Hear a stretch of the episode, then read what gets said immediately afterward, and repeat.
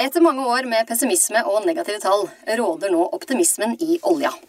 For å snakke mer om dette, og hvordan dette påvirker status for leverandørene til oljeindustrien, har vi med oss partner og sektoransvarlig for olje, gass og energi i EI, Espen Norheim, og partner i First House, Geir Arne Drangeid.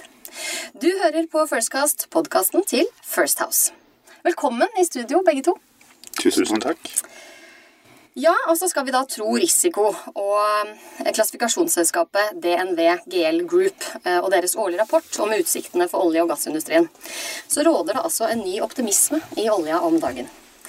Og Ifølge rapporten, da, for å begynne med den, så, eh, så svarer nesten åtte av ti ledere i norsk olje- og gassindustri, dvs. Si da rundt 77% at de er sikre på at næring, næringen vil vokse i løpet av 2019. Og for bare et år siden så svarte 65% det samme. Espen, EI de skal da snart også lansere en rapport. Eh, 31.1, så vidt jeg vet. Og rapporten har samme tema. Men viser rapporten det samme? Altså Er det like stor optimisme hos, hos dere? Ja, eh, vi, sier oss, generelt sett enig med DNVGL. Nå er det viktig å poengtere at DNVGL òg eh, har eh, mye dialog med oljeselskapene, mens vi utelukkende forholder oss leverandørkjeden til oljeserviceselskapene. Og våre betraktninger er nok at optimismen er til stede, men den vises nok ikke i tallene til leverandørleddet i like stor grad som det den har gjort de siste årene for operatørene.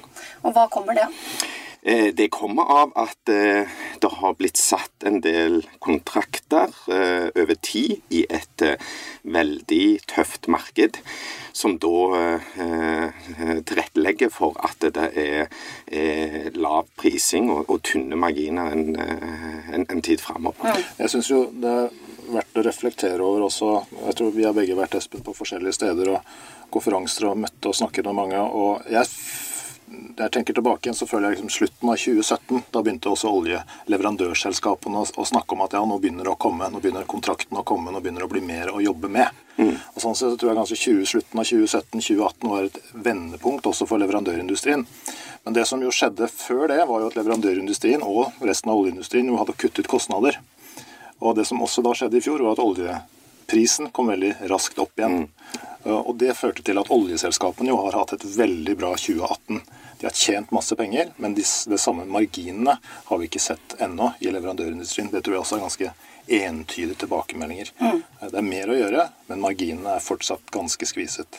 Ja, for Hvis vi går tilbake til den perioden, da, eh, hvordan har da en lengre periode med lave oljepriser påvirket eh, inntjeningen til selskapene? Ja, det, den har eh, altså, altså, Hvis du ser eh, toppåret var 2014. Eh, kollektivt for oljeservicenæringen i Norge så omsatte de for 520 milliarder norske kroner. Det er et spektakulært stort tall. Eh, per 2017, som er det siste reviderte tallsett som vi har, så vi har fakta opp til 2017, og så synser vi om 18, 19 og 20. Og jeg kommer tilbake til det. Men det er klart at fra 2014, fra 520, så går vi ned til 293 i 2017. 44% nedgang. Og det er tøft. Altså, jeg vet ikke om veldig mange andre eksempler der en så stor eh, industri tar en så kraftig eh, reduksjon eh, over et såpass kort eh, tidsrom. Det har vært steintøft, det er det ingen tvil om. De har vært flinke, og de har vært nødt til å nyansere. Akvakultur, vind, offshore vind. Men så er det jo en del spesielle assets, altså eiendeler, som rigger der det er ikke så forferdelig mange andre eh, flerbruksområder eh, som, som, som, som, da selvfølgelig eh, går av kontrakt, er dyre i, i, i vedlikehold og drift, og, og, ingen inntekter. og Det er jo, det er jo kjempetøft. Ja da, det er jo riggselskaper som akkurat i disse dager diskuterer, fortsatt diskuterer tøft med sine kreditorer. og i, det samme skjer man jo på supply- og skipssiden. Ja. det er ikke alle som du sier, det er ikke alle selskaper som klarer å snu seg like fort rundt. Men når det er sagt altså, det, som, det, er liksom, det, er en bransje, oljeservice er på en måte en sånn av og på-bransje blitt. Mm. Det er liksom enten full gass, eller så har det vært full stopp. Og det har vært eh, Bransjen selv snakker jo om at dette er jo kanskje et av de største problemene de har. fordi de klarer ikke... Hva skyldes det problemet? Ja, det, det er på en måte markedsmekanismene som gjør sånn. altså Det, det blir stor aktivitet, det er stor investeringsvilje, og da strømmer måte, selskapene og aktørene til bransjen. Og Så er oljeprisen ned, investeringsviljen forsvinner, og alle struper inn. Så Det er på en måte en, det er som å kjøre i en kø. Det er stopp og brems. Eh, men er alle er enige om at det må man prøve å, å unngå. Eh, og jeg har lyst til å trekke fram igjen, og Du nevnte Espen, det med at eh, leverandørindustrien, iallfall deler av leverandørindustrien, er jo egentlig ganske heldig. For de har den viktigste innsatsfaktoren deres er kunnskap, teknologi, det er hoder og, smarte hoder og effektive hender. Som jo ikke bare jobber med olje- og gassleverandør, som leverandør, som leverandør til olje og gass. De har også en evne til å omstille seg veldig raskt. Eh, og gå inn i nye næringer der man har betalingsvilje og behov for den typen tjenester. Mm. Og så det, det er òg en, en, annen ting som er verdt å, merke seg, og det er at, at, eh, norsk olje og gass handler om offshore. Vi har ingenting på land. Alt handler om til havs. Og uh, planeten vår har 70 eh, hav. Kompetansen rundt hav og, og, og virke er, er, jo spektakulær. Og det er klart at det er jo det er en, det er en edge, eller et fortrinn, som, som, som landet har langt utover den energiproduksjonen som, som foregår og har fokus akkurat nå. Mm. Men tilbake til, da, til da, oljeserviceanalysen som dere kommer med. Mm. Er det noen andre oppsiktsvekkende funn? Eh, med, altså, det, det, med, det, det, vi har, det, vi har, sett, er at eh, opp, eh, opptakten kommer nok til å ta en del lengre tid. Altså eh, eh, stighetsgraden i oppturen. Eh, vi er, vi er nok enige med at det er en optimisme nå som det er, som det er grunn for at det er til stede. Vi sier at bunnen var nådd i 17, ifølge de tallene vi har. Vi, vi, har. vi har modellert en svak vekst i 18 på 3% men 19 har vi på 8 20 har vi, har vi en moderat vekst igjen på 3 så, så, det er en betydelig vekst eh, foran oss. Eh, men det er jo fra et relativt eh, lavt nivå. Og så tror vi at prispresset vil nok fortsette eh, en stund framover, selv om vi, vi, har lagt til grunn at marginene forbedrer seg noe, spesielt i 19. Eh, så det er vel hovedfunnet. Vi ser at de selskapene som er tungt mot investeringsbudsjettet, har en større vekst enn de som er eksportorienterte, og de som er, er operatør, eh, service, eh, altså de som server lisensene under operasjon. Eh, så det, det er MMO, altså Maintenance Modification. Vi ser at vi, har, vi, har, tro på seismikk, uh, vekst, i, i, i, 2018 og spesielt i 2019. Mm. Så det er vel de vi trekker frem. Det er litt spennende også å se hva som skjer i det litt lengre løp. fordi oljeselskapene, og i og for seg oljebransjen, da, for å snakke større, i Norge, er jo, er jo, veldig opptatt av hva som skjer etter de utbyggingene som nå mm. er på, ja, på, tegnebrettet og under utførelse. Det er, ikke så, det er ikke noen store, nye prosjekter. Eh, på horisonten. Og det bekymrer nok mange. Og det er nok også en av grunnene til at oljeselskapene og næringen er veldig opptatt av å ha gode rammebetingelser, stabile rammebetingelser få tilgang til nye letearealer. Mm. Men en ting er jo da at denne optimismen eh, potensielt påvirker leverandørene eh, positivt. Men hvordan påvirker det arbeidsmarkedet i industrien? Det, det, påvirker, det, påvirker, arbeidsmarkedet positivt. Vi snakker med flere som, som ser etter ny eh, arbeidskapasitet. Eh, og vi hører at det er en utfordring å få tak i, i gode, eh, spesielt neste generasjon. Så det har vi, der har vi en, en, en, stor, stor utfordring foran oss, å, å lokke til oss nye, nye talenter for å jobbe i, jobbe i energibransjen. Det er vel tall som viser at det var sånn 40 000-50 000 ansatte som mistet jobben innenfor olje- og gassbransjen på det, på det verste. Og nå er, ikke, nå er, man tilbake igjen i en situasjon der eh, arbeidsledigheten i Rogaland mener jeg er på nivå med resten av landet. Her viser også tallenes tale at situasjonen er tilbake igjen, normalisert. Og det, og det, vel, det, har vi nok ikke hatt tidligere. Vi hadde jo en eh, lignende type eh, eh, supply-krise eh, i, i, oljebransjen i 85-86. Eh, men den, den, den, gikk ikke så mye på folk. Det, det, var ikke, det, var ikke, så mye jobbreduksjon som det vi har opplevd over de siste fire årene. En ting til som er verdt å ta med seg fra den 85-86-situasjonen, eh, var at vi har gått tilbake og sett og så at det, at oljeselskapene reparerte eh, seg relativt kjapt, altså 18 måneder etter det stupet fra 30 dollar da til 10, før det stabiliserte seg på 20 i lang tid. Eh, leverandørindustrien de brukte 11 år på å hente seg inn i en eh, marginbilde, så de hadde rett i forkant av den situasjonen. Så, så vi har vel egentlig gått ut og sagt hele veien at det, med basis i det, og med basis i forsiktighet, fordi at det, det er de samme som sitter og styrer, eh, som satt og styrte i januar 2016, når vi var intradag brent under 27, altså vi er nede på 26, og det var, det var alvorlig. Eh, og det er klart det at riskappetitten tar det en stund å, å gjenvinne og, og, få tillit til et prisbilde mm. som, som, som, som, virker fornuftig, sett fra oljeprisperspektiv.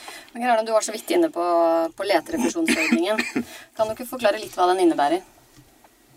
Ja, det, det, kommer nok litt an på hvem du spør. Ja. Det er jo noen som mener at det er subsidiering av en altfor rik oljenæring. Eh, jeg pleier å si at det er eh, en ordning som et samlet, forholdsvis samlet norsk politisk miljø, og i og for seg Norge, det er en ordning som Norge etablerte for at det skulle være attraktivt å lete etter olje og gass på norsk sokkel. En ordning som skulle gjøre det attraktivt å bidra til at Norge fant ut hvor mye ressurser vi faktisk hadde, hvor mye rikdom vi hadde eh, til å finansiere morgendagens og fremtidens velferd. Og Det har jo vært en fantastisk vellykket ordning. Eh, det er jo ikke egentlig noen subsidiering i det hele tatt. Det er en forskyvning av når man betaler skatt. Olje- og gassindustrien betaler mer skatt enn noen annen næring i Norge.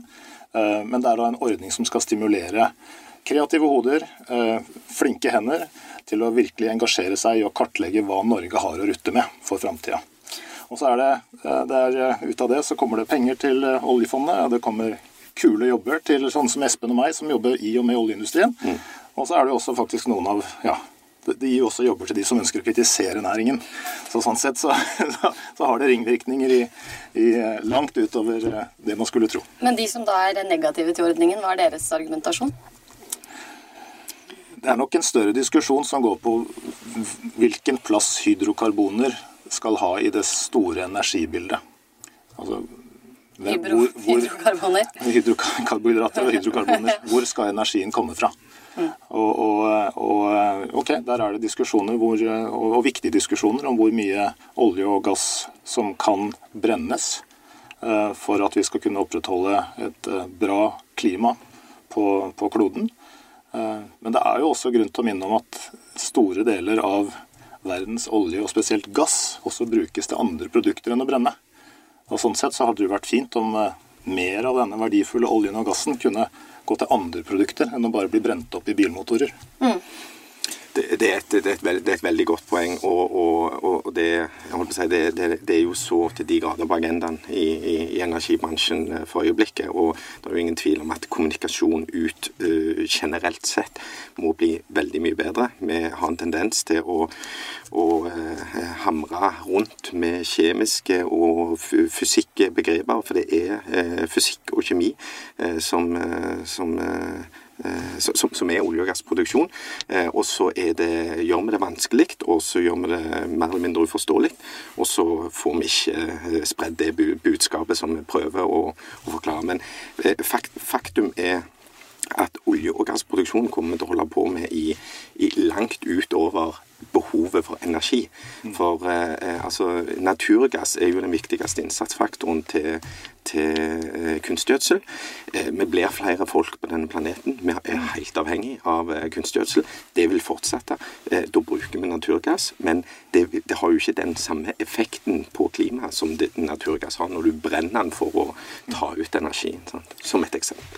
Hvis vi ser litt på tallene, da, så var den totale investeringen i 2018 på 159 milliarder kroner. Eh, og den økte da til 184,5 milliarder kroner i 2019.